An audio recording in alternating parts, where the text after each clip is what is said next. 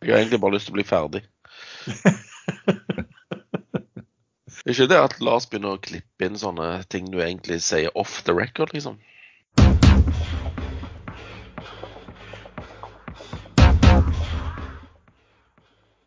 Velkommen til podkasten Aksjesladder. Mitt navn er Lars Branningen, i denne sammenheng kalt Reideren, og med meg her som vanlig noe vinterdeprimert trader, Sven Egil Larsen.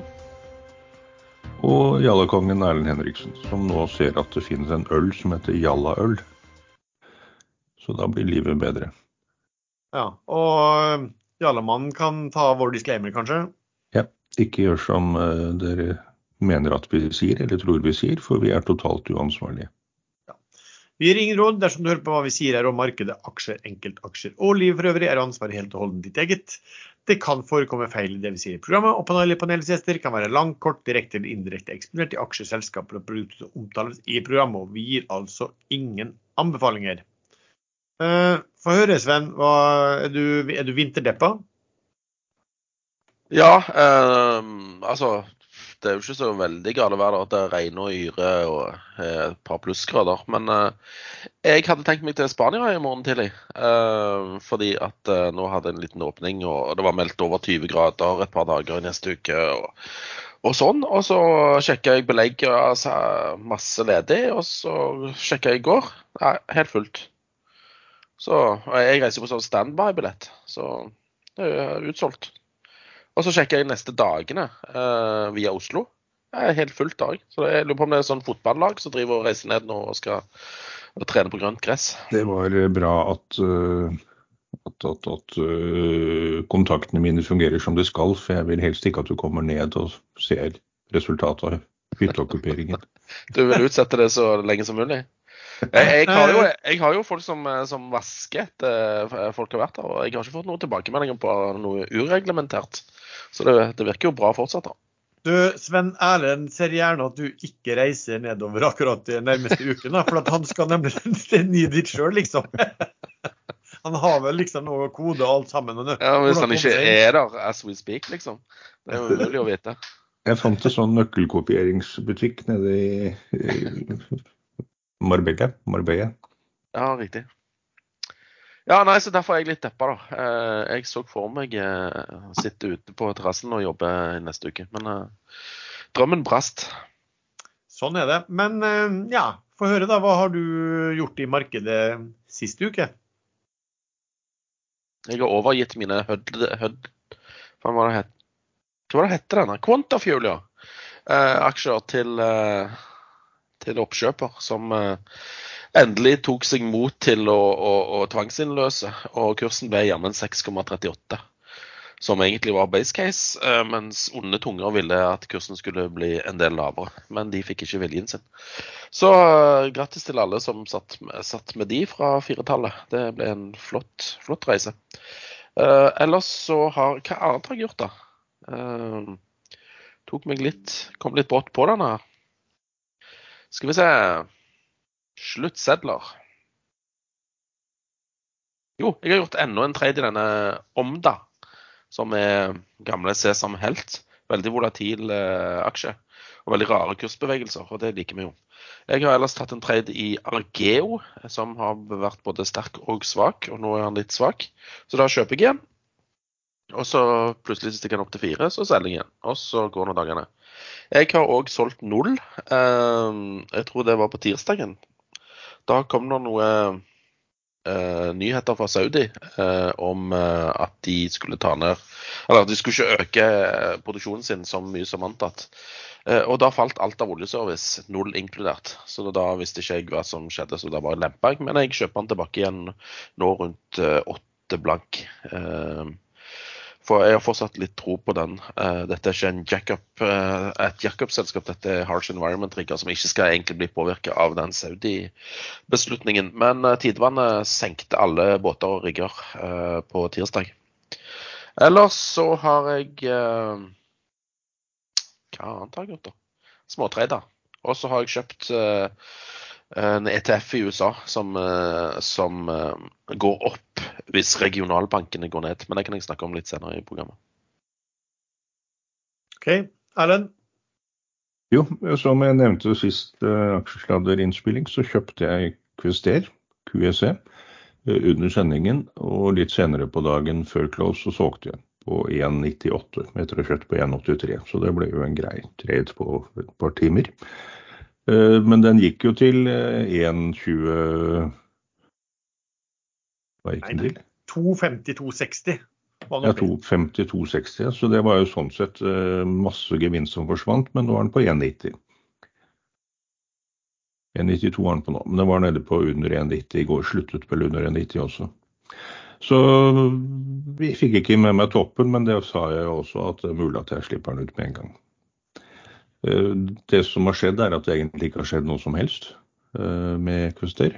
Eh, de kom med en børsmelding, det gadd jeg ikke å lese, for det var et sånn eh, aksjonærbrev fra Michael Binion, og de pleier å være veldig eh, lite innholdsrike. Masse tekst og intet innhold. Og det har jeg vel sett andre kommentere at var det denne gangen også. Så ting tar tid. Men at det gikk litt riktig vei, det tror jeg nok. Ellers har jeg vært borti tre-fire forskjellige amerikanske selskap. og Para, Paramount Global, det er jo det store filmselskapet hver gang man ser på film, eller oftest så dukker det opp en Paramount-logo i begynnelsen av filmen. Der var det snakk om en budgiver, eh, men selskapet har ikke kommentert det, og det er jo litt merkelig. Det har ikke det nå. Men Plug Power har jeg. Den kjøpte jeg her 31.1. Det var på onsdag.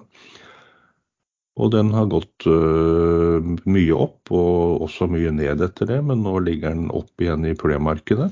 Uh, det er et sånn Nell-selskap, uh, veldig mye likt. De har fyllestasjoner og lager hydrogen og leverte nå sin første last med Eh, nedkjølt hydrogen til kundene sine, og kundene står linet opp. Eh, de har måttet kjøpe hydrogen i markedet, altfor dyrt fordi de ikke har klart å produsere selv. Men nå er den første fabrikken på plass, og det kommer flere etter hvert. Så den kan være interessant, men det er langt fram fremdeles. Eh, og man har jo sett på Nell at dette går i ganske store bølgedaler. Nell kom for, for, øvrig med melding i dag, ganske positiv, så vi kan jo se, se snakke litt om den etterpå. Skal vi se, Minner. samme som du har en Jeg nevnte vel egentlig under innspillingen sist også at uh, hvis du kom inn høyt nok, så, så kunne jeg kommet til å selge. Så den var jeg jo inne på sa vel at jeg var inne på rundt 1,61 og ut på 1,90. Det ble jo veldig bra. Uh, men den gikk jo veldig mye videre, da. Uh, og har nå falt tilbake igjen. Altså, jeg skrev et sånt notat om det på, på i dette nyhetsbrevet som sendes ut, Børsekstra og på um, fordi at eh, det var vel sånn at den meldingen ble av, av, av media uh, fullstendig feilinformert. For de skrev at QSR hadde fått tillatelse til å begynne med utvinning. og det hadde de på ingen måte fått. De, de fikk henstand på å stenge brønner og, og rydde opp eh, eh, inntil videre, inntil saken påløp. Og så var det mye på sosiale medier at nå hadde de nesten vunnet, og nå kom det til å bli milliarderstatning og bla, bla, bla. Men det de egentlig eh, retten sa, var at de sa vel at det er et seriøst spørsmål som skal tas opp. Sånn at det blir sak. Så, det, det, man kunne risikert i denne rettsavgjørelsen, var vel at retten sa at altså den saken som Kuster har, har mot, og flere har mot staten, at, at, det er helt useriøst. Så useriøst at vi tar den ikke opp til behandling. Eh, men de gjorde det ikke. Så akkurat den er jo, er jo, det er jo en god nyhet, for det kunne jo vært en mine man gikk på. da. Men den gikk jo fra 1,3 opp til 2,6, og så har den falt da tilbake nå til 1,9 igjen. Og jeg tror det er veldig subjektivt på Eh, hvor saken står eh, nå. Men hvis man leste denne rettsavgjørelsen, så forefalt jo at den var egentlig ganske logisk. Og så er det jo bra for Quester at det er åpenbart at retten er ikke sånn pushovers som bare tar alt hva staten måtte fremheve som sin sak for, for god fisk da, uten, uten videre. Nei, for Det var jo utvilsomt uh, positivt for Kuster at, uh, dom, at uh, dommeren var veldig, veldig krass mot statsadvokaten, som brukte det han kalte en sirkelargumentasjon. Han brukte samme lovanvendelse for å både tvinge QFST til å rydde opp og stenge ned disse feltene, som man brukte for at staten ikke skal betale erstatning i henhold til grunnloven i Canada. Ja, men det var mye, jeg tror ikke vi skal komme inn på sånne detaljene på dette. her, for det var jo hvis det er fast ja, Det var mye, mye, mye rart på dette. Men Køster kom med en ny melding nå for et par dager siden, eller var det går tidlig, og da falt jo kursen videre. For da, det er vel nok mange som har bedt de utdype ting, og så kom de vel egentlig en melding der de ikke sa noe som helst. Bortsett fra at uh, denne saken skal nå tas opp videre, og uten noen at de skrev noen uh, tidsangivelser da, på når det her skal uh, foreligge. Så vi får se hva som, eh, hva som måtte skje. Eh, man venter jo også på at Castell skal offentlig fortelle hva, hvilke beløp de har tenkt å kreve. Da. Som jo selvfølgelig vil være en potensiell trigger på et eller annet tidspunkt. Det også.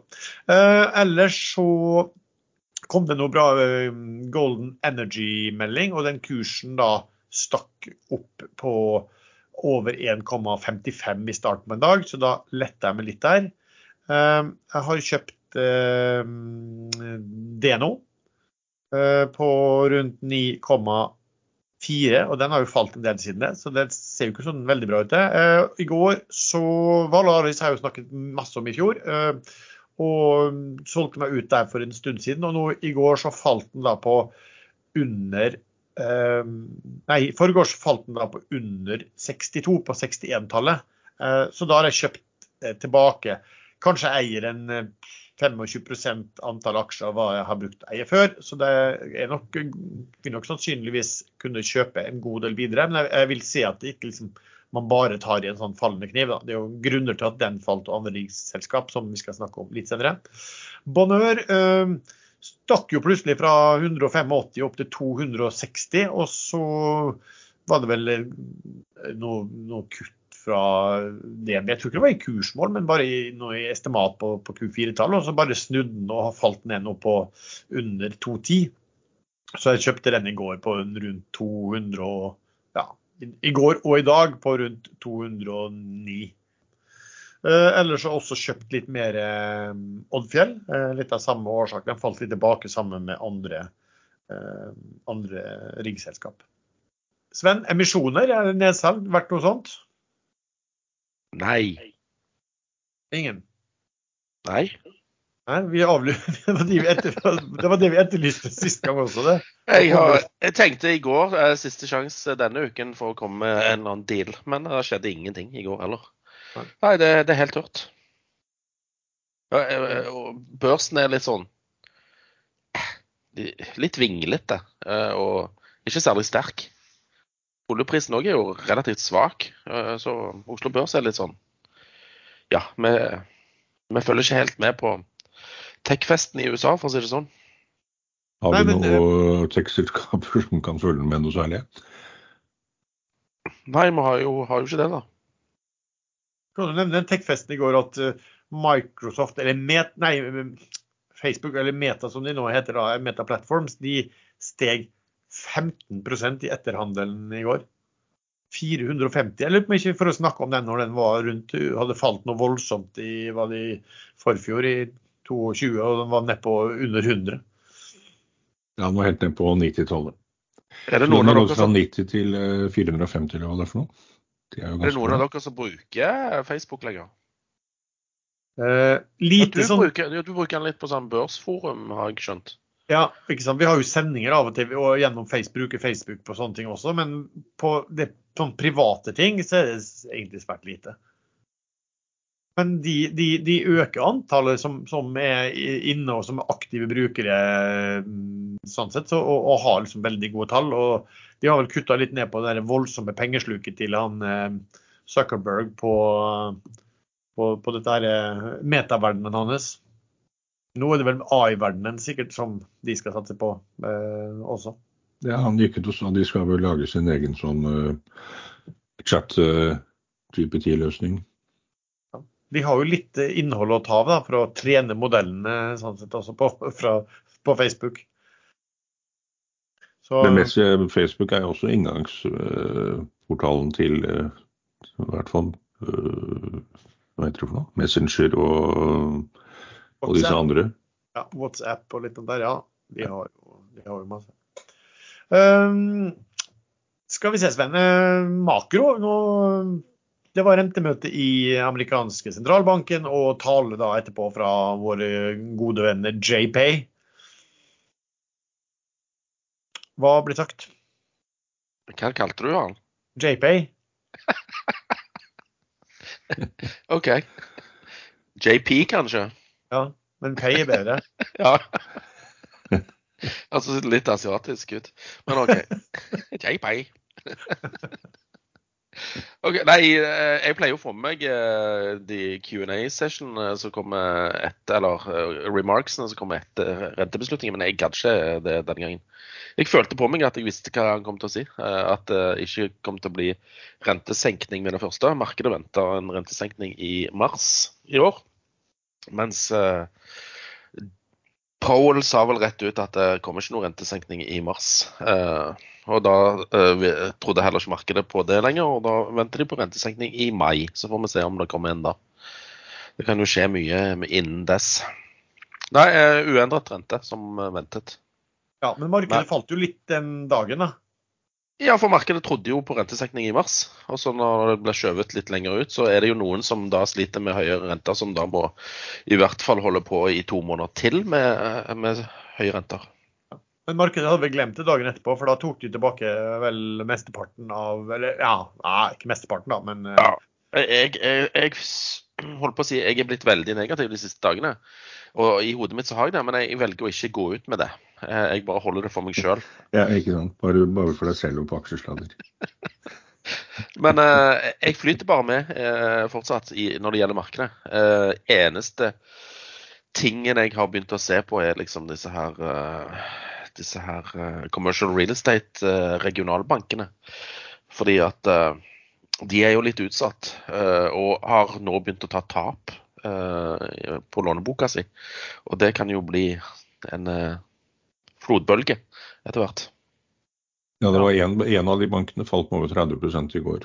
Og Western Nei, det- Corp Bancorp den endte ned 7,57 etter å ha vært ned mye mer. Ja, Du har denne New York Community Bank som da falt på eh, onsdag, var det vel? Ja, Eh, Den var ned over 30 men hentet Ja. seg vel inn igjen. Ja. Det er Men hva- Men hva er det her? Det er altså snakk om eh, eh, utlån til næringseiendom på de Ja, i, i. USA.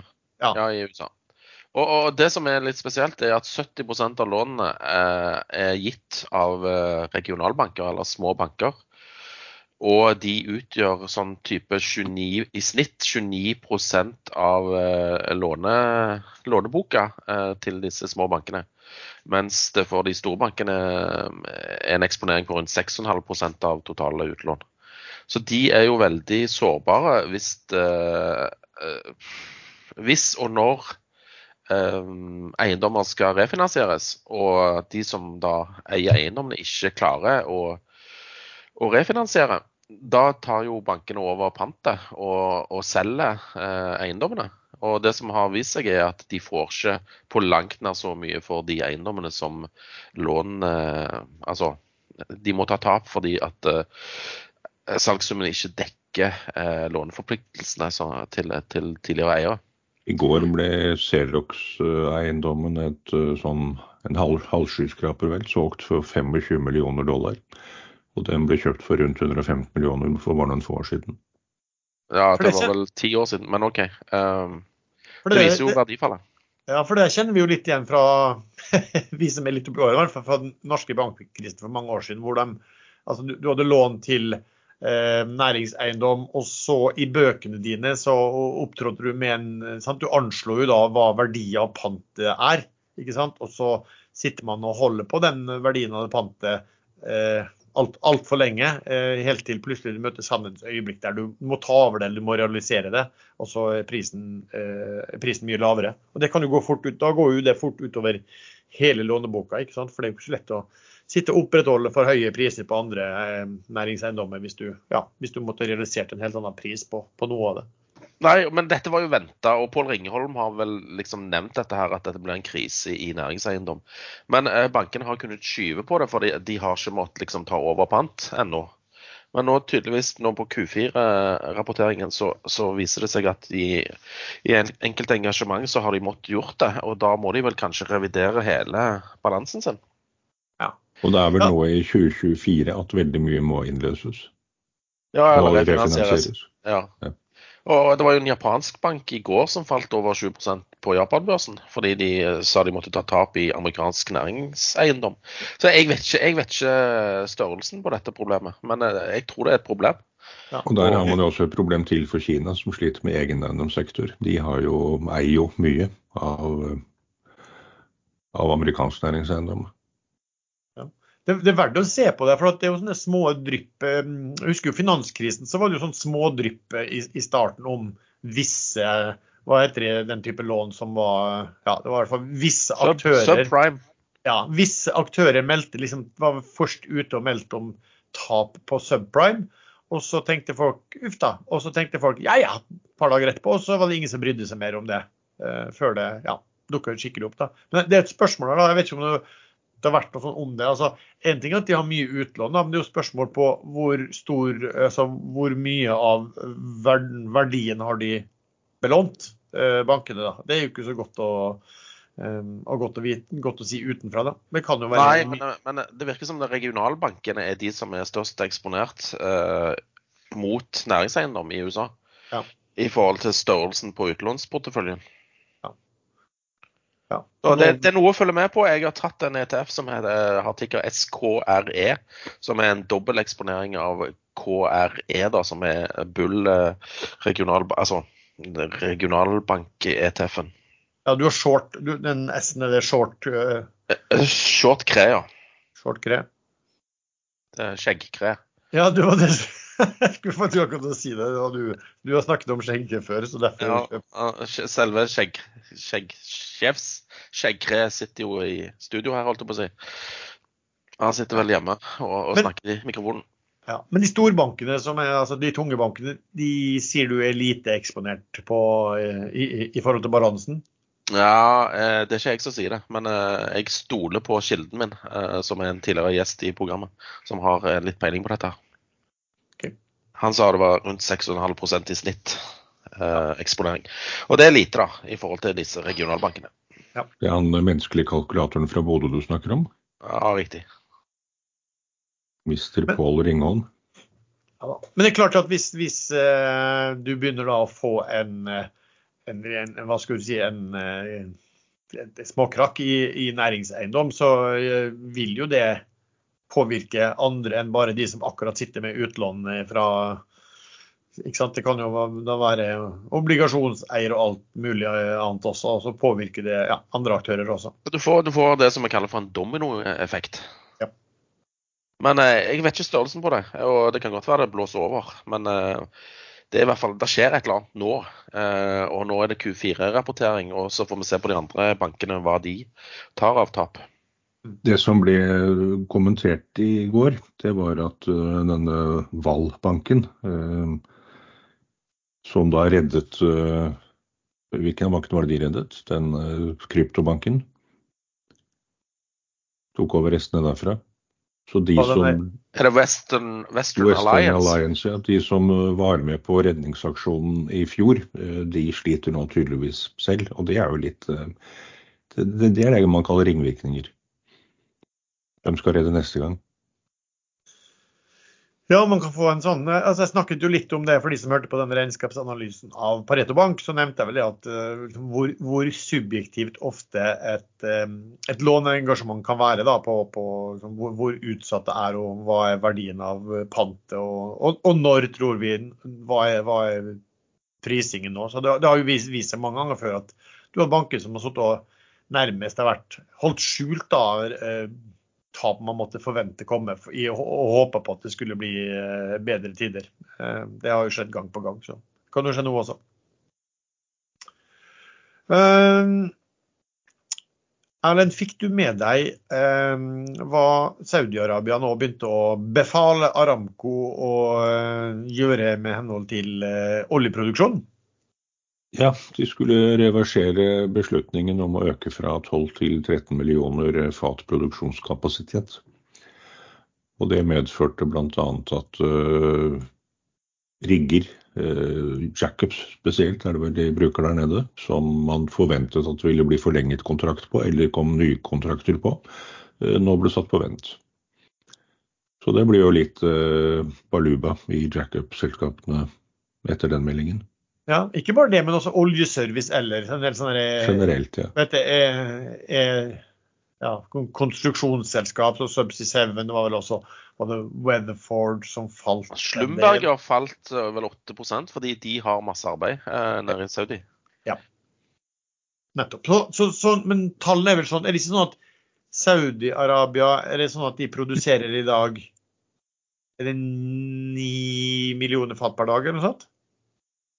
Eller er det mer enn det de eksporterer? I alle fall, de, de, de, mm, produserer jo i dag mye mindre, eh, men sier at de har kapasitet da, til å produsere 12. Og så hadde de da eh, plan om at de skulle komme opp på en kapasitet på 13 millioner fat per dag. og det, det var i slutten av 2020-tallet, altså innen, eh, innen, fem års tid. Da. Eh, og nå sier da altså Saudi til Aramco, som da verdens største oljeselskap, at de planene kan dere bare legge på hylla. Og det, og det er jo ikke så rart, da, når de faktisk ligger eh, altså Det er godt over 20% det er vel 20 da, eller mer enn det, opp til nivået hvor de allerede har kapasitet. Så hvorfor skal du da eh, legge på eh, 30 til? Jo, det er jo en miks, da. Det er en miks av vedlikehold av gamle brønner og så det, når man slutter å vedlikeholde og slutter å bore nytt, så vil jo plutselig det decline bli høyere enn en planlagt. Jo, men nettopp. Men, men, det er jo caset her da, at de skal jo ikke slutte å vedlikeholde. Eh, de skal jo opprettholde på 12, som jo Det krever jo mye jobb, det også. Eh, det er jo dette fra 12 til 13 da, som er Så spørsmålet hvor mange, mye det vil utgjøre på rigg og andre jobber, er jo ikke så godt å si, da. Men det er Min mistanke er vel kanskje at markedet reagerte litt mye på det initielt. Men, men det kan jo også ha noe å si i forhold til hva Saudi egentlig tror om den framtidige mm, etterspørselen etter olje. At det ikke er så superbull som, som OPEC har vært. Jeg tror man skal se litt sånn tegn i tiden. Når man ser på Saudi-Arabia, så har jo de gått offentlig ut allerede for et par år siden og sagt at de skal omstille økonomien til å ikke være så oljeavhengig. Eh, og det er litt merkelige prosjekter de setter i gang. Eh, en bymur tvers igjennom Saudi-Arabia på et halvt oljebudsjett. Og en ny toglinje med luksustårn à la, nei, toglinje med luksustog à la Orientekspressen til, eh, til noen titalls eller hundretalls millioner dollar. Så de skal satse på turisme. Saudi-Arabia, det mest lukkede landet i hele, hele arabiske halvøya, åpner nå opp totalt. I hvert fall så er det målet til uh, bin Salman Bill, Hva heter det for noe? Salman Bill bin Vi kaller han bare for MBS. MBS, ja. Mohammed bin Salman, sånn var det. Mohammed bin Sagman, som jeg kalte han, helt til jeg fant ut at uh, da risikerer man å havne under sagen selv når man sier sånn offentlig. Ja, er han advokat? Såkalt han, han, han, sagfører? Han bruker, han bruker sagførere. Ok. men, det, men, det, som var litt spesielt også samtidig, var at det kom rykter ut om at uh, Saudi-Arabia ville gjøre nedsalg uh, i, i, Aramco. Så uh, sånn litt konspiratorisk så skulle, kunne man jo tenke seg at Saudi gir beskjed offentlig at eh, dropp å investere så mye. Um, og samtidig sier de vi gjør nedsalg. Uh, og, og, at det kanskje kan ha en sammenheng med prising av Aramco. Uh, jeg, jeg, vet ikke. Det er kanskje litt vel konspiratorisk. det. Um, Hvor mange prosent eller halvprosent er de skal selge ned nå denne gangen? Uh, jeg vet ikke, og jeg, vet ikke, jeg fikk ikke med meg det, eller om det var beslutta eller om det var bare rykte på det. Men jeg vil vel tro at hvis eh, selskapet har så mye mer, eller Saudi-Arabia, men det er jo mye Aramco, har så mye større eh, kapasitet enn hva de i dag produserer, så vil jeg tro at det er god nyhet for aksjonærene å si at vi skal ikke øke kapasiteten enda mer, siden det uansett er langt unna eh, det de i dag produserer. Hvem vet. Hva tenkte du når du hørte det der, Sven? Var det noe du gjorde som, som eh, Ja, fikk det noen påvirkning på hva du tenkte om ja, spesielt rigg da, eller oljeservice? Ja, Hvis du fikk med deg hva jeg sa i begynnelsen, eh, så sa jeg vel at jeg solgte null. Eh, fordi at alt annet av oljeservice og rigg falt. Så det var egentlig irrasjonelt. Men jeg, jeg følte jo at bevegelsen òg var litt irrasjonell. Så det er derfor jeg kjøper tilbake igjen nå. Og nå får jeg jo billigere, så da er jeg jo fornøyd. Men oljeprisen er nå på 79 dollar. Den var helt opp på 82-83 for et par dager siden. I går. Okay. Ja, olje, Oljeprisen er volatil, men den uh, hopper og, og, og, faller i takt med uttalelsene fra de som prøver å få til en våpenhvile nede i, uh, nede i holdt på å si Jemen, men det er jo ikke Jemen, det er jo uh, Gaza. For Qatar sendte jo først ut en pressemelding. Eller, ja, og da droppa jo alt av olje og tank det de skrev var at nå er eh, våpenhvilen på plass, avtalen. Eh, og da det ble dementert eh, like etterpå, men før det ble dementert, eller tilbakevist, at, det, at de ennå ikke er så langt. Og Hamas kom også ut med en melding med krav som man vet at Israel ikke kan godta. Så, så det, den er nok lenger unna enn man tror. Ja, og en sånn, ja, men du så det fikk virkning med en gang på oljepris, og så fikk en virkning, også kraftig virkning kjapt på eh, shippingselskapene. Eh, fordi hvis det blir våpenhvile eh, mellom altså Hamas og Israel, hvilke insentiver har disse houthiene da til å fortsette å skyte på, på skipsfartøy? Der var det faktisk en episode i går eller foregårs hvor et amerikansk krigsskip måtte bruke det som kalles last line of defense, hvor de brukte en spesialkanon som skyter ut en mengde skudd uh, i løpet av et par sekunder for å ta ut en cruisemissil som kom fra Hutuene, som var bare uh, tre-fire sekunder unna å treffe. Så alle andre til forsøk på å ta ut den raketten, eventuelt at ikke de så den før, de hadde mislyktes, og da brukte de siste mulighet. Og da skjøt de denne raketten kanskje et par kilometer fra båten, og jeg leste en analyse på det i går, at det kan medføre at delene fra eksplosjonen den blir, den blir liksom ikke vaporisert, den eh, deles opp. Og de, de kan kunne ha truffet skipet. Så Houthiene er ikke noe sånn liten bakgårdsterrororganisasjon. De er avanserte. De har uh, Irans nest, i hvert fall nesten mest avanserte våpen, og de, de er en trussel man skal ta alvorlig.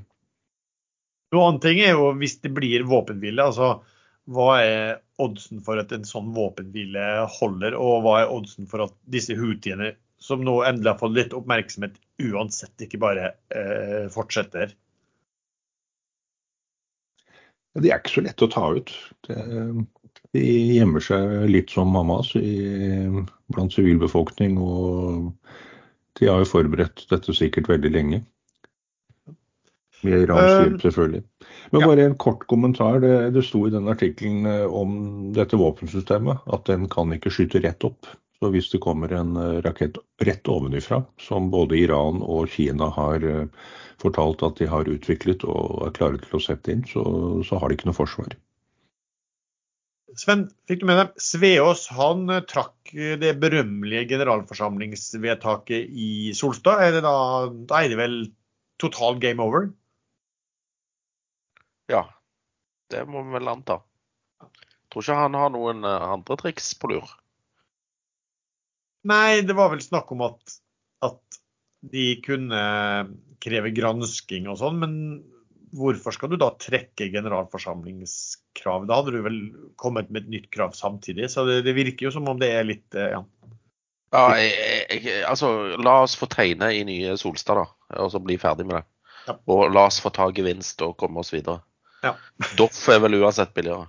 Ferdig, ferdig med det. Jeg så forresten eh, altså man vet jo aldri da når disse folkene møtes på, på rommet og diskuterer litt. Eh, jeg så at eh, Viking Supply Ships, da, som eh, Sveas eier, eier 90% av, de solgte jo ut nå de siste to PSV-ene sine.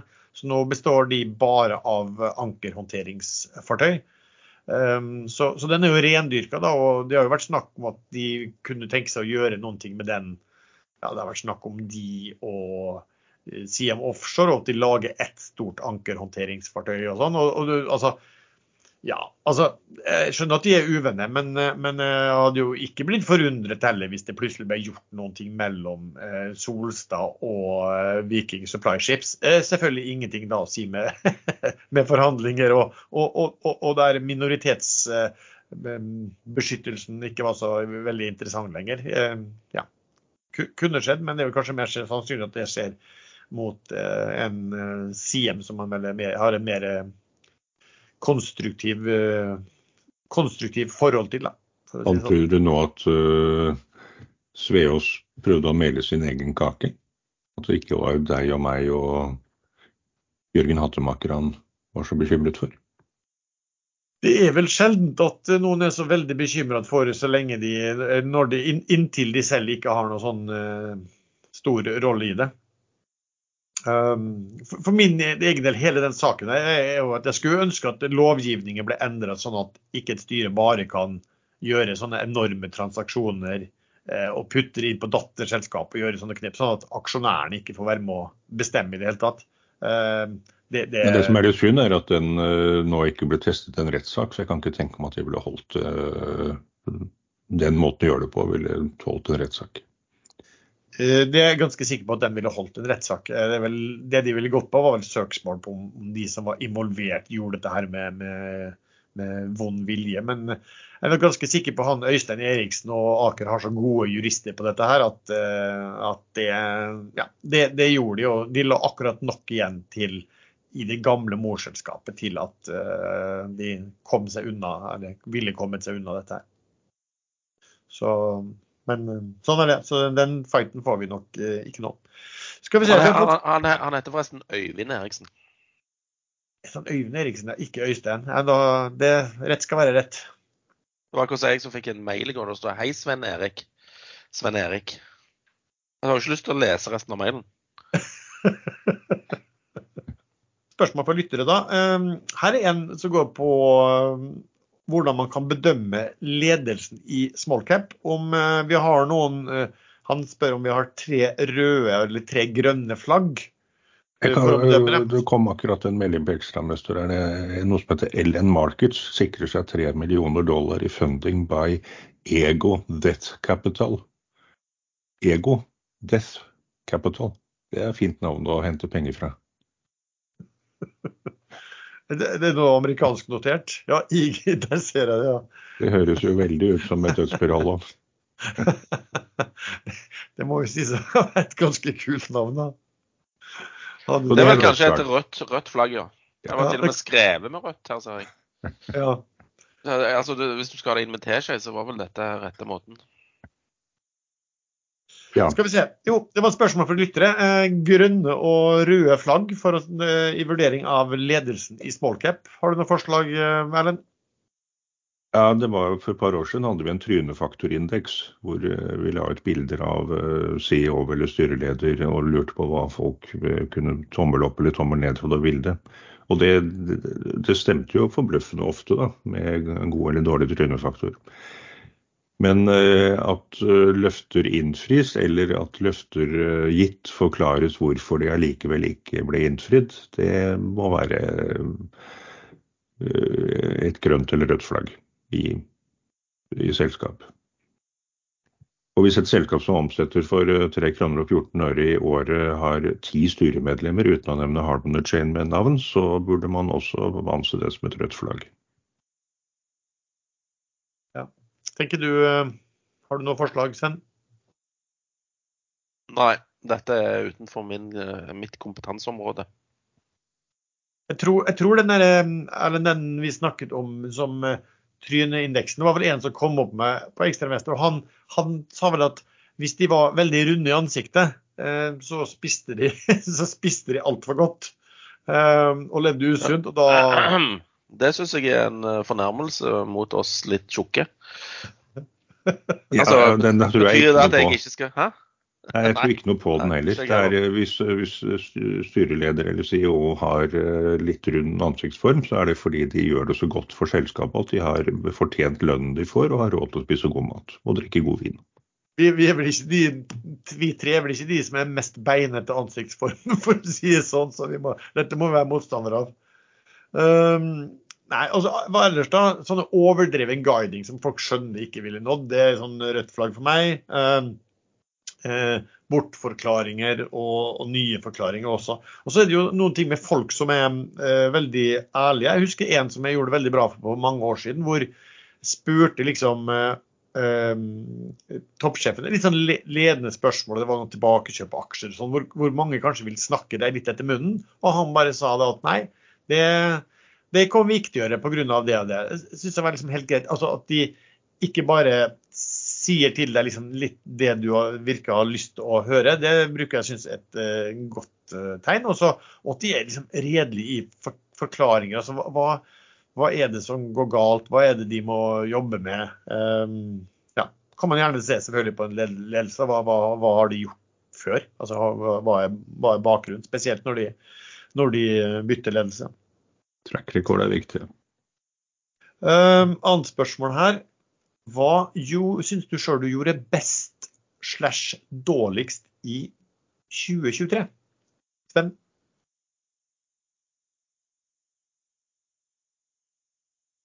Uff, jeg hater sånne spørsmål. Um, det, jeg, jeg, vet ikke hva jeg gjorde i 2023. Så det er jo enkelt forklart. Det er jo månedsvis siden. Vi er på måned to nå i 2024. Men tenker du ikke noe sånn strategisk på, på sånn oppfatning av hva du, hva du, traff på, og hva du liksom ikke traff på? Nei, jeg husker ikke hva jeg traff og bomma på. Nei, men jeg gjør ikke det. Da må jeg jo uh... Nå fikk får jeg en telefoner som jeg må ta, opp, så da slapp jeg å svare på det spørsmålet. Jeg blir borte et lite øyeblikk. Men du kan bare svare på det etter telefonsamtalen. For jeg har ikke noe å komme med. Han måtte ringe og sjekke. jeg vet på, jeg ikke fikk noe telefon. Det er bare han finner på noe. For å slippe å svare. Nei, men jeg, ærlig talt, jeg, jeg, jeg det ikke noe sånt taktikk du hadde, noe bedt du hadde som gikk spesielt veien, eller noe som gikk ikke veien? Var det i fjor jeg traff på de der SAS-selskapene, f.eks.? Var det i fjor, eller var det i 2022? Uh, eh, ja, alle de oppkjøpene. Jeg lurer på, Kan det ha vært ganske tidlig i fjor? Jo, jeg lurer på det. Så da var det det, da. At jeg traff på Altså så at SAS eh, selskap med Viking eh, som største eier kom til å bli kjøpt opp eh, fordi de skulle ut av det, de investeringene. Eh, det var vel kanskje det jeg gjorde best, da. Ja. Hva jeg gjorde dårligst? Eh, jo eh, Nei, var det i fjor? Kjøpte noe sånn svenske Jo, det var i fjor. obligasjoner i Oscar Properties som halverte seg på kort tid. Shit happens. Ja. Um, Men jeg, jeg, prøver egentlig Altså, det irriterer meg mye mer når jeg taper penger enn når jeg tjener penger. Derfor husker ikke jeg så veldig mye av når jeg gjør det bra. Da må jeg liksom tenke veldig og, og gå inn i sluttsedler og, og, historikk og sånn. Fordi at eh, det er de der tapene som står igjen som irritasjonsmomenter. Ja, mer, en, mer en glede av å tjene penger. Ja, jeg kjenner igjen hva du mener. At du, du, du kanskje husker to-tre som du har tatt penger på, så øh, husker du ikke helt tid du har tjent liksom- mer på? Nei, nei, jeg husker liksom når jeg ble nulla i opsjoner i 2001, og jeg husker når jeg rota meg inn i noe som heter Monitor Oil for 15 øh, år siden. Så øh, jeg husker de vonde veldig godt. Uh, nei, for min del, det som er jo best, var vel egentlig at, uh, at jeg bare satt jeg var vel i og for seg litt inn ut, men stort sett satt i Hafnia hele tiden og Valaris. Og en del litt sånn store posisjoner som gikk bra. At jeg ikke ble, uh, ble ivrige på å bare på, på ta gevinst der.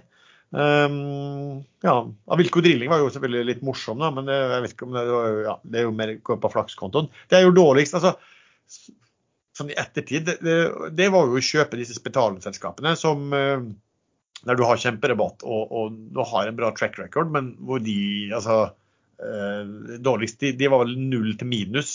Eh, og skulle for alle solemerker burde vært det motsatte. Så, så, så det spørsmålet om det var bare en, gang, eller, eller, om det er noe som er vedvarende. At de som styrer det hospitalet, kanskje har faktisk mista litt, litt, grep og, og blitt såpass redd at de nesten ikke tør å gjøre noe, og, og ikke gjøre liksom, heller ikke de mest åpenbare. Da. Så det er kanskje litt en sånn vurdering. Det er ikke noe feilvurdering å kjøpe noe med rabatt, men det var kanskje en feilvurdering å, å tro at du kjøpte hos noen som hadde kontaktnett, og som, som så veldig mange gode dealer da, og, og kunne plukke eh, gode dealer. Nei, men jeg må bare huske på uh, Spetalen ble jo ikke yngre han heller med årene. Og jeg lurer på om han har bare gitt litt faen nå i det siste. Han er jo sist sett uh, på Sydpolen holdende på en Newcastle-fotballtrøye. Så uh, ja. Han sitter ikke på kontoret, for å si det sånn. Nei, nei men altså, du, du jeg så det var en, noen som sendte meg Det var en forvalter, jeg tror det var en, om det var en asiatisk eller amerikansk, som, som la ned fondet sitt, og som skrev liksom at ting hadde ikke gått så, så bra det siste året. og bare, han, bare skrev, han mente sjøl at han hadde mista det litt, da, og ble litt redd. Det var faktisk en veldig bra sånn, forklaring på en som hadde vært veldig flink før og la ned fondet. Han syntes liksom at han, han skrev liksom om, om etter hvert for at du hadde bomma så mye det siste året, og frykten for å ta feil. Og når han har kommet sånn, da syns han ikke det var noe vits i å forvalte andre sine penger lenger. Eh, og det kan liksom tolkes litt på Kanskje det kan være han også har kommet i sånn, inn i en sånn periode hvor, hvor, hvor, du er så redd for å uh, ta feil at du nesten ikke, uh, nesten ikke gjør noe som helst. Uh, Nei, men altså, hvis, du har, hvis, du har, nok og er, er, er fornøyd med det, altså Hvorfor skal du eh, jage den neste milliarden, liksom, hvis du har nok milliarder fra før? Ja. Nei, men det er, et, det er et godt poeng, det. Jeg, jeg, kan fortelle hva man skal gjøre hvis, hvis han tenker sånn. Det er jo å kjøpe egne aksjer til stor rabatt. For det er jo den største no-braineren i markedet som finnes. Men uh, da er det vel et eller annet eh, Hvis folk sier at det er no-brainer, da skal det vel ikke gjøres, eh, gjøres det heller, da. Men han har, vel en, har vel en flink sønn, da, forstår jeg, som er mm, analytiker også, så kanskje han kan få seg en litt, litt rolle i farens selskap og ta over en del ting og kanskje være litt mer, litt mer frisk. da. Alternativt så var dette her, er det bare noen som som jeg tror alle går gjennom i visse perioder. At du, du bommer litt og blir litt forsiktig og kanskje setter deg litt Jeg syns vi burde invitere godeste Øystein Streis Betalen som gjest i Aksjesladder, så kan han fortelle hva han tenker. Fordi at vi skjønner Han tror ikke du får inn som gjest her. Jo da. Det, det, er bare å ringe. Fikk du noe å tenke på, um, Erlend, eller, um, eller husker du ikke spørsmålet? Nei, det er jeg fortrengt. Ja. Det var, jeg driver et lite byggefirma, så vi, det var en vindusbestilling jeg måtte få gjennom. Seks til åtte ukers leveringstid på vinduer. Seks til åtte? Seks til åtte. Skulle tro de hadde lite å gjøre nå, at det kunne gå litt kjapt, men uh, det er nesten motsatt. Ja. Men spørsmålet Erlend, var egentlig bare hva syns du selv du gjorde best slash dårligst i 2023? Nei, i 2023 så hadde jeg litt den eh, det du snakket om, det med redd for å gjøre feil. Så 2023 gikk ikke noe bra i det hele tatt. Men jeg gjorde ikke noe sånn veldig store feil heller, det er jo fordelen, da. Men eh, man skal jo helst tjene penger for å leve av dette her.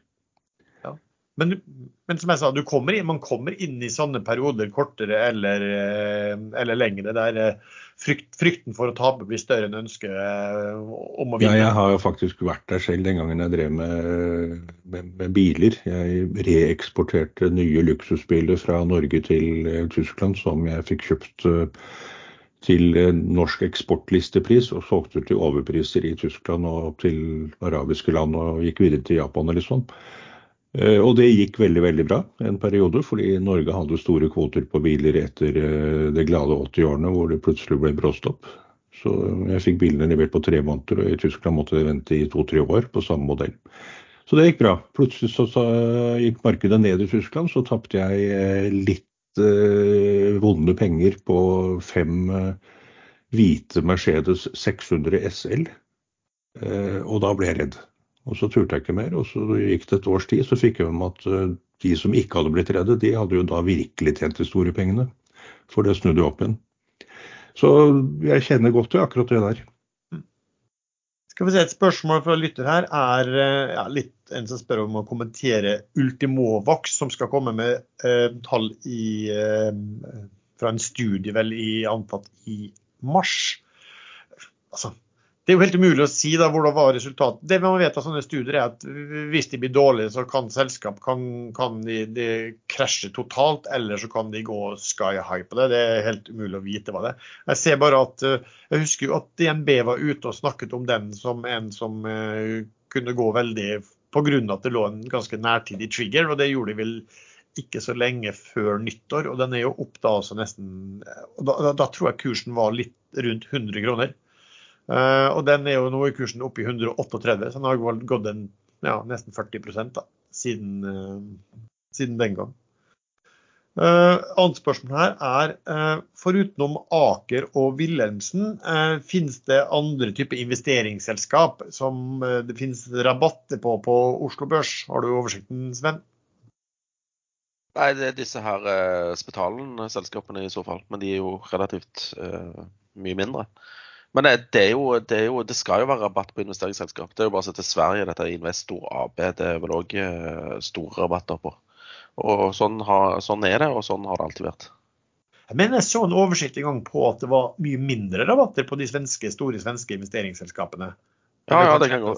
Jeg, tro, jeg trodde det var rabatt, i hvert fall. Altså, ja, du skal alltid var... ha rabatt. Uh, ja, altså, naturlig er jo bare at um, rabatten er jo som sånn Si at du, du eier disse aksjene i børsnoterte. Sånn at du, hvis, hvis, det bare var børsnoterte, så kan du også finne verdien på det. Men så er det jo sånn at selskapet uh, vil jo alltid ha folk som sitter og jobber, en administrasjon. ikke sant? Så du skal jo på en måte trekke vekk en slags nåverdi av kostnaden for forvaltning også. Um, så, så, det, det, så spørsmålet er bare hvor stor rabatt. Skal vi se ellers utenom du Han nevnte Aker, VVI, så det er SDSD Saga, altså spitalingsselskapene. Austevoll er vel ett, men det er jo ikke type investeringsselskap, men de eier også mye av Lerud Seafood. Eh, Bonheur ja, eh, er vi også, som eier jo eh, en god del. Men det de eier er jo stort sett er vi jo ikke eh, børsnotert. Og så har du Aquila også, var jo noe som skulle investere i, som har noen børsnoterte pluss noe eh, seismikk. Da. Så Det er jo liksom aktører. Hvor stor rabatt det er på hver av disse, her, eh, kjenner bare til disse betalingsselskapene. Det er vel sikkert noe av det samme på, eh, på de andre også. Nå kom både Exxon Mobile og Chevron med sine Q4-tall. Ser at Chevron eh, kom inn på 3,45 dollar mot eh, estimert 3,22 per aksje. Mens uh, Exxon Mobile kom inn 2,48 mot estimert 2,22 per aksje. Så begge de to slo estimatene. Chevron er vel de som har vært eh, tydeligst på at de ikke skal investere i grønt. Exxon ble jo presset til det av aksjonæropprør. Bl.a. Church of England som uh, satte ned foten og ville ha grønne investeringer og fikk inn en, en i styret. De og et par andre store fond. Det var da de begynte med å be på i forkant av styremøtene? Eh, disse eh, kristne investeringsfondene, jeg tror ikke de er så veldig religiøse i sin eh, håndtering av penger, akkurat. Nei. Mafiabanken i Vatikanet var jo stor på litt hvitvasking og litt sånn småting. Jeg merker vi forviller oss alltid inn i noe italiensk mafia i hver eneste sending og så må vi klippe det bort. ja. Um, en kommentar til deg angående ender. Da. Det var hvordan ender oppfører seg ved letting. Dvs. Si at når de skal opp og fly. Da. En som skrev at stokk slash gressand letter tilnærmet som et helikopter, mens fiske, dykkeand, ærfugl etc. flakser bortover til de får nok opp. Det er riktig. Hvis du ser svaneletter, så Nå, nå, nå ramla jeg litt ut her. Jeg ser akkurat ned på den samme fugleflokken som uh, kjørte isbrytertaktikken sist. Nå er det ikke noe is her, så nå svømmer de fritt rundt uh, på, uh, i Sjøvollbukta. Helt uten mål og mening. Ja, som denne, som denne samtalen vil sikkert noen si. Nei, men det, det, det satt noen svaner, liksom. Det, de springer jo på vannet bortover de før de tar. Men det har jo Svane er en gressand. Hæ? Svane er en gressand. OK. Jeg, Jeg, jeg tror det- på deg. Jeg tror på deg, for du, du sier Men det var det jeg lurte litt på. Hva var det eh, du sa han som sendte inn hadde sagt? At gressender eh, flyr som helikopter? tar av som helikopter. Stokk slash gressender tar av tilnærmet som et helikopter. Eller en Harrier-jet. Ja, men en Svane gjør definitivt ikke det. Men det, og det er en gresshånd, det vet jeg. Så okay. dette, er, eh, dette får vi ta opp i neste episode. Ja, det, det, det er en kommentar som har kommet inn eh, i kanalen vår på eh, Ekstrainvestor. Du, du kan egentlig bare Jeg tror kanskje at du heller tar det med han der enn i neste episode.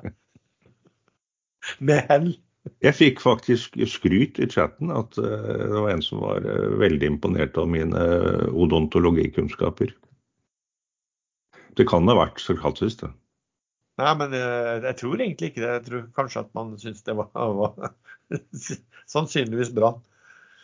En ting jeg kan nevne. eh, Jeg hadde, det er mulig at det kommer på slutten av episoden en eh, regnskapsanalyse. Jeg hadde egentlig tenkt å gjøre en som hadde kommet med årsregnskapet nå. eh, Og vi ikke har vært gjennom før eh, protektor, altså skadeforsikring. Men eh, det var noe litt rart i regnskapet der, så jeg vet ikke om jeg rett og slett orker å bruke og rekker å bruke tid på det nå, eller om jeg må bare snakke med selskapet litt. For det var litt sånn forskjell på hvordan de satte opp regnskapet i årsregnskapet eller årsrapporten kontra kvartalstall. Så vi får se. Det er mulig at det finnes noe etterpå det. Men eh, ellers så kommer det jo inn masse årsregnskap nå, og da blir det jo litt lettere å gjøre den type, den type og, og ta ting til følge. Altså folk som kommer med innspill på resultater man kan gå gjennom. Da er det jo litt greiere å gjøre det når årsregnskapet foreligger også. Noe dere har lyst til å prate om ellers, eller skal vi kaste oss over eh, kommende ukes favoritt eller obs? Ja, Som vanlig må jeg korrigere meg selv. Han som ble imponert over min kunnskap om fugler, han ble nok neppe imponert da jeg sa at, eh, at det var odontologi, for det er læren om tennene.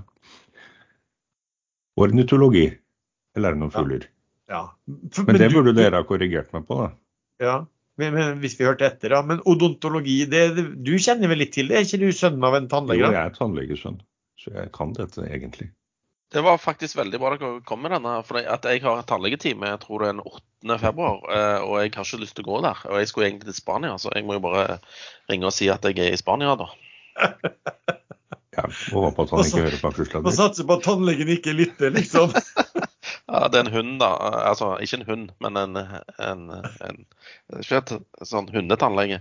En Nei, kvinnelig eh, tannlege, er det du Kvinnelig, sier? kvinnelig, ja, det var det jeg prøvde. Kvinnelig odontolog. Ja. Eller noe.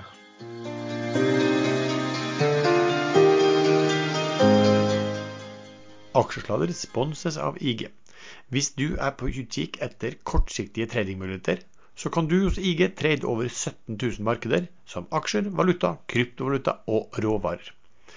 Og siden vi gjerne snakker om råoljeaksjesladder, så kan du trade US crude og brent crude på en konto for børshandlerprodukter eller en CFD-konto. Når du bruker gearing, så betyr det at du også kan få en stor markedseksponering for et mindre opprinnelig utlegg. Du kan få relevante oppdateringer som nyheter og tekniske indikatorer i realtid direkte på plattformen, og du kan sette en absolutt grense for risikoen din.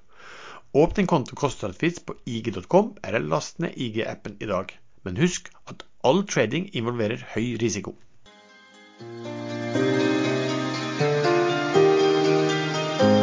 Ok, Sven, få høre. Er det noen ting du, du ser på som for uken som kommer?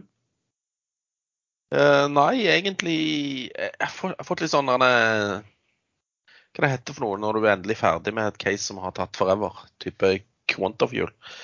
Uh, så har jeg ingen sånne, sånne jeg følger med på de, de som jeg sitter i, liksom. Uh, det skjer ingenting i Havila Kystruten. Jeg håper det kan komme noe oppdaterte bookingtall der, eller en oppdatering om hvordan det går. Kanskje ikke før regnskapstallene. Eh, og jeg vet ikke helt når de kommer. Eh, ellers så har jeg, har fått tilbake Argeo igjen. Eh, jeg lurer på om det kanskje kan komme en melding om hvem de har fått kontrakt med, og hvor stor den eventuelt er. Eh, så kanskje noe å, å tenke på der. Uh, null uh, syns jeg er billig på Eller i mitt hode billig på, 8 kroner blank. Eh, så får håpe at de kanskje kan trylle fram en kontakt. Følg òg med på Prosafe, som kom med tall som sier at 2024 blir et uh, venteår, men at de ser for seg at 2025 kan det bli bra. Det virker som det selskapet der har eh, bomma litt på timingen, for å si det mildt. Så de har vel ikke hatt noe særlig med jobb siden 2014, føler jeg. Uh, Men, og mens, mens uh, konkurrenter virker jo å ha vunnet Ja, ja, Flotel har jo vunnet alt som kan vinnes av, av anbud. Så. Men hvis det er, er noen ledige jobber der ute, og, jeg tror det kommer noen i Brasil, så kan jo Prosef ligge godt an der, siden de er de eneste som ikke har kontrakt på tre-fire av, av disse boligriggene sine. Der kom det forresten en melding fra Dolphin Drilling at de har fått mer penger. De har nå fått tre millioner dollar til fra Nigeria. Så der går det i sånn litt rykk og napp. Og da stiger Dolphin Drilling bitte litt her. Ja, koselig. Ja, kanskje de kan få opp en endelig, en endelig Jeg tror de skyldes, ja, jeg tror de skyldes 17,5 mill., og så nå har de betalt 5,5. Så en, ja. en tredjedel der, nesten. Ja, jo, men du skal huske på at uh, hele tiden så øker jo utstående også. Ja, ja, ja. Så, så sist, sist, gang de meldte at de hadde fått inn 2,5, så var det vel egentlig sånn at, at utstående hadde økt uansett. Men nå når de meldte, nå er det ikke så lenge siden, altså nå har de meldt 3, så antar at det spiser litt inn på utstående. Pluss at det er bra å få. At, at bare at de får penger gjør jo at ja, De kunne jo gitt totalt faen og ikke betalt noen ting. Men det virker som de har vilje til å betale noe, i hvert fall. Ja. Så det er jo bra. Ja. Nei, ellers så jeg, jeg, må, jeg må få en friuke, liksom. Der jeg ikke har noe særlig med, med, case. Eller jeg kan opplyse om at jeg har uh, meldt, inn, meldt, om innløsning av warrants i Biofish Holding. Uh, men der tror jeg ikke aksjene kommer før etter 14.2, så det er fortsatt nesten to uker til. Ja, For da får du på 1,10, da? Eller så kunne du vente seks måneder til? Ja, siste sjanse for å få på 1,10. Neste innløsning er på 1,20. Ja, og den, den, kan du vente med på 1,20 i et år til? Liksom. Stemmer det. stemmer det. Så opsjonsprisen, altså det er jo det ja, det er alt, alt etter hva man tror om kursen, men ellers er det jo bra å sitte på og heller få 1,20 om et år eh, og ha den opsjonen. På en måte så er, det, så er det like greit å vente, ja. Men ok, Det er litt sånn avhengig av hva man tenker om kursen og hva som skal skje og alt der, da. Så det, det er sånn det er. Eh, noe annet eh, å tenke på, Sven? Jeg tenker litt på Spania og begynner å bli trist igjen. Men jeg ser nå det trist. Nå blir det lysere og lysere dager og snø og ligger, og da er det lyst og fint også om kvelden. Så det er november og desember det er trist. Her er det ekstremt grått og trist, og masse nedbør i form av yr. Så det er veldig grå, grå, grå og kjedelig dag. Men eh, det som er et lyspunkt, er jo at eh, det er 30% på skalldyr hos eh, Gode Mega ja, i dag og, og, i morgen. Så jeg tror jeg skal se om jeg får tak i noen sjøkreps som kan eh, heve stemningen litt. OK. Erlend? Uh, jo, hva jeg ser på denne uken? Jeg fortsetter å se på denne Idex, som uh, du nevnte, Spetalens uh, sønn. hva heter han igjen? analytikeren? Ja, heter han Christian? Vi kaller han Christian. Han uh, nektet jo for at Idex-lånet var i dødsspirallån. Uh, man ser på svenske fingerprint som tok opp nøyaktig samme type lån fra samme långiver. De valgte å konvertere istedenfor å betale ned med cash, og kursen har gått rett i dass. Så Idex-kursen har også gått i dass, og det er vel fordi markedet forventer at Idex gjør det samme, betaler ved å konvertere avdraget til aksjer. Men det gjenstår å se. Får vi se. Uh, men jeg følger med på Idex, fordi den kan fort ta en opptur, hvis, spesielt hvis de bruker cash til å betale ned det første avdraget, og hvis de skulle komme med melding. Men foreløpig er det ingenting som lukter melding noe sted. Fingerprint eh, kommer stadig vekk med meldinger, eh, og der faller kursen på tross av at det er I, i dag hadde det kommet, kom melding om kontrakt med Asur, Masure eh, computer, om fingeravtrykksløsning på den. Så de tar det ene markedet etter det andre så langt. Ellers så følger jeg med på disse amerikanske, spesielt da Para. Eh, Paramount for å se om, eh, om, det blir en budkrig. Det er det neste som kan skje. Og han som kom med budet, det var helt opp på 23 dollar. Nå er kursen på 14,68, så det er en voldsom oppside. Men selskapet tar tydeligvis ikke det budet seriøst. Baron Allen heter han. En sånn uh, Rock Hudson, ikke Rock, ikke Rock Hudson, men The Rock-type. Uh, han påstår han har uh, sikkerhetsfinansiering, men det er merkelig at et amerikansk så stort selskap kan velge å ikke kommentere annet enn med ingen kommentar.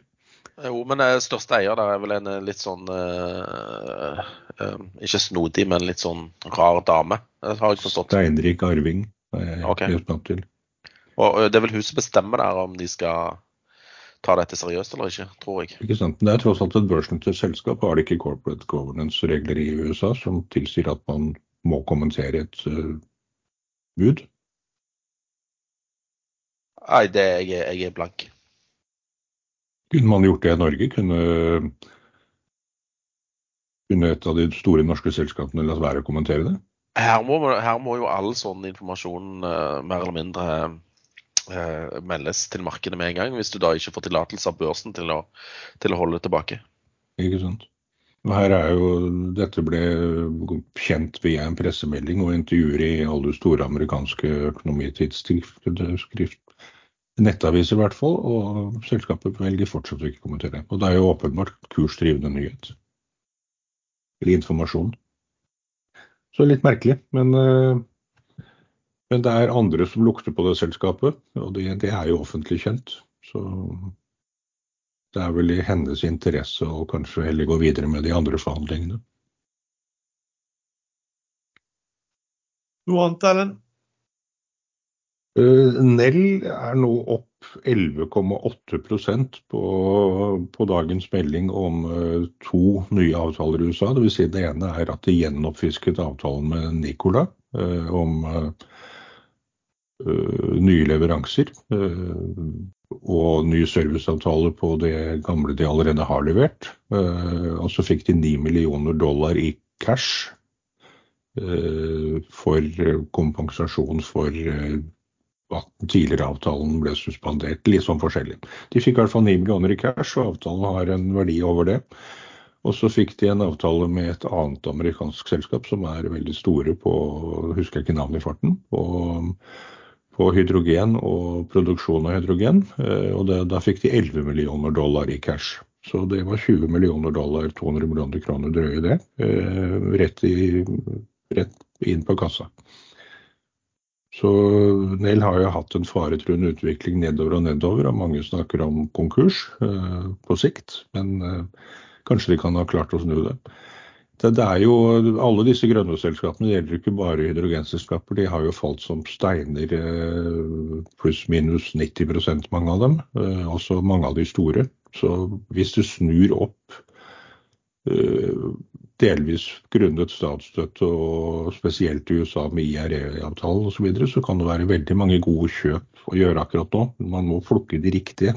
Det er det er vel som etter dotcom-døden at 90, 95% av selskapene blir liggende uh, som zombier, mens uh, noen få utvalgte klarer det. Og da kan kursen gå veldig høyt.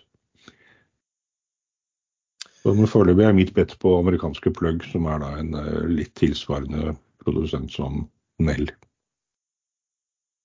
Ok, uh, nevnte at jeg hadde kjøpt DNO, og det årsaken det er jo at DNO har jo disse eh, De har jo produksjon i Nordsjøen, men de har også da mye produksjon i Kurdistan, og der får de jo ikke levert fordi at den rørledningen da mellom Kurdistan og Tyrkia er stengt pga. Ja, diskusjoner mellom de, de eh, partene der.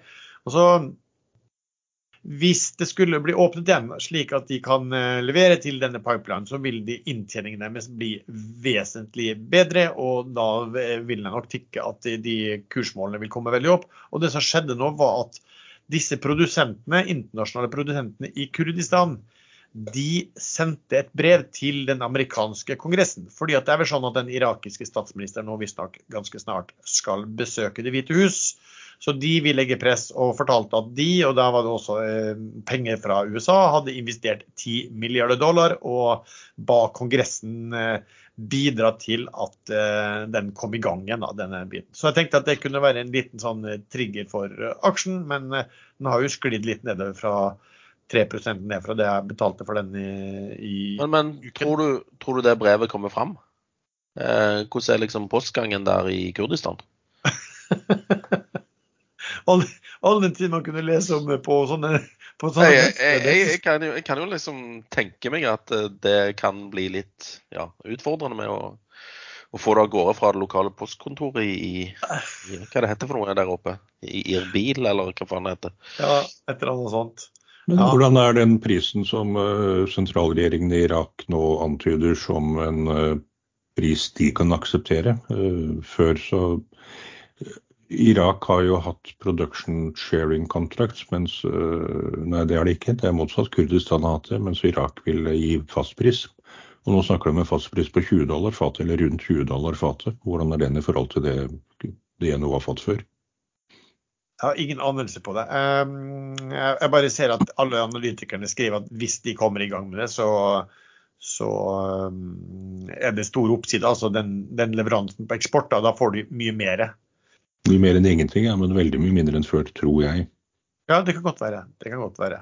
Men uh, Hovedstaden i Kurdistan er faktisk Erbil. Ja. Alt jeg kan. alt du kan. Nei, så Vi får se da om det er noen ting som det, der det blir lagt press på der også. Det er noe sånn mellom Irak, Kurdistan og Tyrkia også, så der det har vært noe sånn eh, tull og noe skadestand og betalinger der som gjør at det, ja, at det ikke åpnes. da. Så vi får se om det kommer opp. Ja, så er det, OPEC eh, maksimumsproduksjonstillatelser til Irak som også ligger i veien. Irak produserte vel allerede- allerede 400 000 fat per dag. jo, men det, det, er ikke noe, det, er jo, det er ikke noe ny produksjon. Det er bare om den skal få leveres utenlands, eh, altså eksporteres, eller om den skal eh, lastes på lastebiler og kjøres rundt. Så det er vel det det, det, det går på. Eh, ellers, som nevnte, så har jeg da kjøpt eh, Valaris. Altså, jeg så bare på sånn som eh, Skjelf var vel de som var mest eh, rammet av eventuelt problemer med, eller at, at Saudi-Arabia kunne kutte bruken av checkups. Um, og de hadde falt 16% på børsen, mens Valaris falt 10% Og Da skal man huske på at giringen da, til Shelf er jo noe helt annerledes enn Valaris. Valaris er vel egentlig tilnærma i uh, nettcash. Sånn at eh, det betyr jo egentlig at hvis du da regner på hvor mye verdiene i, på riggene implisitt har falt, så har det jo falt mye mer eh, på, eh, på Valaris, som jeg da tenkte var litt urimelig. Så er det sånn at mye av Valaris, altså det de har i Saudi-Arabia, er at de eier eh, et riggselskap der, stort riggselskap, og den eier de sammen med Saudi Aramco. 50-50. Så jeg vil jo tro at hvis Saudi Aramco skulle slutte å bruke rigger, så slutter de vel først å bruke eksterne rigger, og sist kanskje rigger fra et selskap de eier 50-50. Men det får vi, jo, får vi jo se på. Og så sånn kjøpte Oddfjell også litt på ja, noen anbefalinger fra, fra Carnegie, som, som økte og hadde den som klar favoritt. Og så også at den ble trukket litt ned eh, når eh, disse meldingene fra Saudi-Arabia kom. For det er klart, hvis, hvis det blir mindre rigger i bruk eh, offshore Saudi-Arabia, så må jo de prøve å finne jobb andre steder. og Det, og derfor, det er jo derfor at, at alle riggselskapene blir, eh, blir tatt. av. Ellers kan jeg bare nevne, nå var det jo, nevnte Sven denne eh, Dolphin Drilling. Um, så det er klart at det, det er et godt tegn eh, at de begynner å få betalt. Og det vil jo være veldig bra for denne aksjen hvis de skulle få eh, fullt betalt. Um, og, og kan jo da nevne, som sagt, eh, siden vi nevnte SDSD, så, så, er jo de, så holder de på å selge altså dette Dutch-selskapet mm, Standard Supply har jo nesten solgt ut alle båtene, av én igjen som de skal selge også. Så, så isolert sett så vil jo de eh, Så ser det vel sånn ut at hvis de tenker på det som cash, så vil da SDSD nå ha cash da på en rundt 2,07 per aksje mot der de priser på en, en, i underkant av 1,70, og så har du kanskje da en 60 øre per aksje eh, Dolphin Drilling. Og Det er kanskje den, den verdien der som har vært liksom usikkerheten på det. Så um, det kan jo bli interessant å se hva som, hva som kommer ut av det. Jeg blir ikke overrasket hvis Dolphin kommer til å komme med en eller annen betalingsavtale med denne aktøren i Nigeria, siden den aktøren betaler 3 millioner dollar. Du gjør jo ikke det hvis du hvis, du tror, hvis du tror motparten uansett bare går fra alt i løpet av eh, noen dager, eh, vil jeg tro. Eh, ja. Men jeg, jeg ser her på Google Maps at eh, postkontoret i Erbil ligger midt i byen. Så det er jo en, en fordel. Ja. Det er med, altså rett ved siden av noe som heter London Translation. Så de, hvis de har fått sånn hjelp med å oversette der òg. Og eh, ja, ligger faktisk rett midt mellom Kebab Abdullah og Kebab Rania. Så Ja. det er strategisk plassert, det postkontoret. Ja. Det- Så det taler jo for, det taler jo, det taler jo for at de i hvert fall får, det- får levert inn brevet der, da. Ja, det er, jo veien, det er jo veien videre som jeg er spent på. hvis ikke postmannen uh, går innom kebabsjappa og glemmer helt å levere brevet. Ja, det, det er jo en stor risiko. Ja, jeg Men jeg ser eh, det, det er stengt nå, postkontoret. Ja. Så det åpner ikke før klokken 8 AM i morgen tidlig. Nei, det er jo men den informasjonen din er sikkert, vil, sikkert være, vil sikkert være kursdrivende. Så det er jo spørsmål om, om, de, om de i den amerikanske kongressen er i stand til å skjønne hva som står i brevet, selv om det er på engelsk. Ja, ja, sånn, ja. Skarpeste kniven i skuffa der er alltid heller, tror jeg. Men kanskje, Fordi, vi, kanskje vi skulle fått en sånn eh, ekstrainvestor eh, eh, medlem til å satt på post der ut forbi postkontoret for å se om det kommer en sånn DNO-bil med brev. Ja. Ja, vi har jo hatt vakter eh, på oljeplattformer som har kikket etter fleiring eh, på nærliggende plattformer hvor de driver med prøveboring. ja, riktig. Og hvis det ikke er flering, så har de ikke funnet noe. Hvis det er flering, så har de faktisk funnet et eller annet.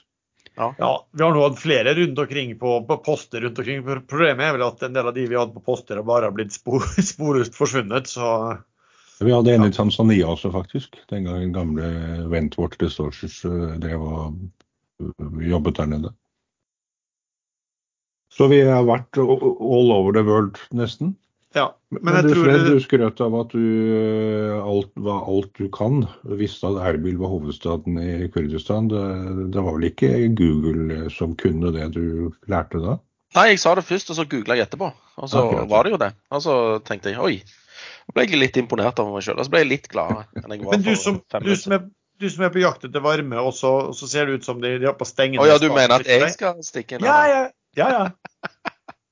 ja. Nei, eh, det, jeg ser jo de har jo, de har jo mat der nede. Så det, Kan veksle mellom de to kebab... eh, ja, det er en til, altså. Yasin kebab òg, men den ligger et stykke unna.